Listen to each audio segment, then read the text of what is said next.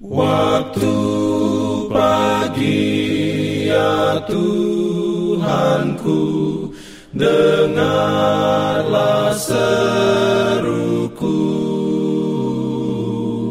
Melayang doa yang sungguh Memandang padamu. Selamat pagi pendengar Radio Advent Suara Pengharapan Mari mendengarkan suara Tuhan melalui tulisan pena inspirasi menjadi putra dan putri Allah. Renungan harian 18 Oktober dengan judul Kita tinggal dalam kasihnya. Ayat inti diambil dari Yohanes 17 ayat 26. Firman Tuhan berbunyi, Aku telah memberitahukan namamu kepada mereka dan aku akan memberitahukannya supaya kasih yang engkau berikan kepadaku ada di dalam mereka dan aku di dalam mereka. Diberikannya perlindungan dalam pimpinan. Urayanya sebagai berikut.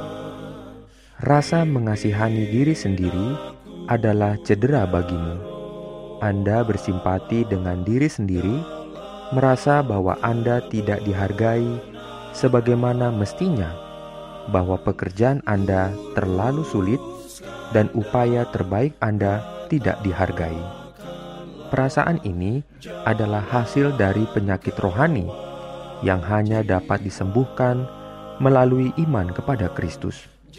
Godaan menguasai Anda ketika Anda lelah atau bingung.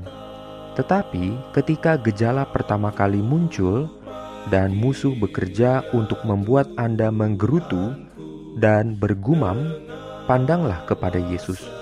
Percaya pada juru selamat Anda. Ini adalah satu-satunya obat untuk malaria rohani ini. Jika Anda membiarkan pikiran Anda sibuk dengan hal-hal ini, musuh akan melihat bahwa Anda tetap sibuk.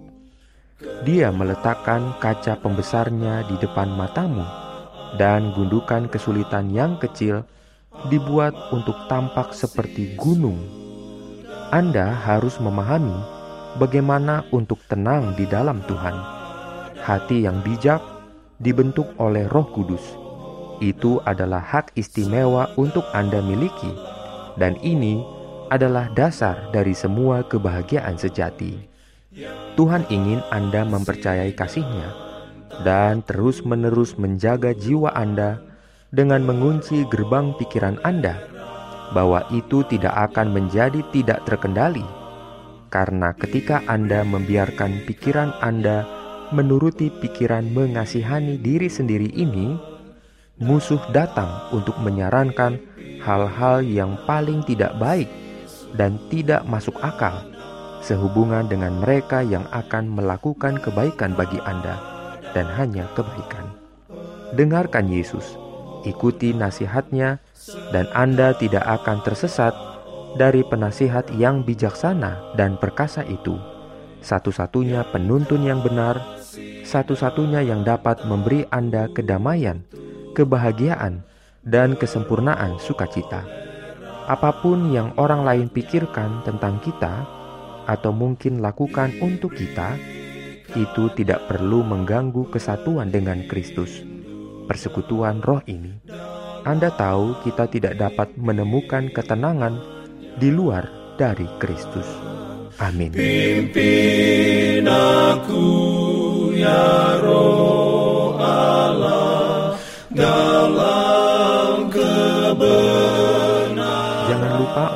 melanjutkan bacaan Alkitab sedunia. Percayalah kepada nabi-nabinya yang untuk hari ini melanjutkan dari buku Efesus pasal 5. Selamat beraktivitas hari ini. Tuhan memberkati kita semua. Jalan keselamatan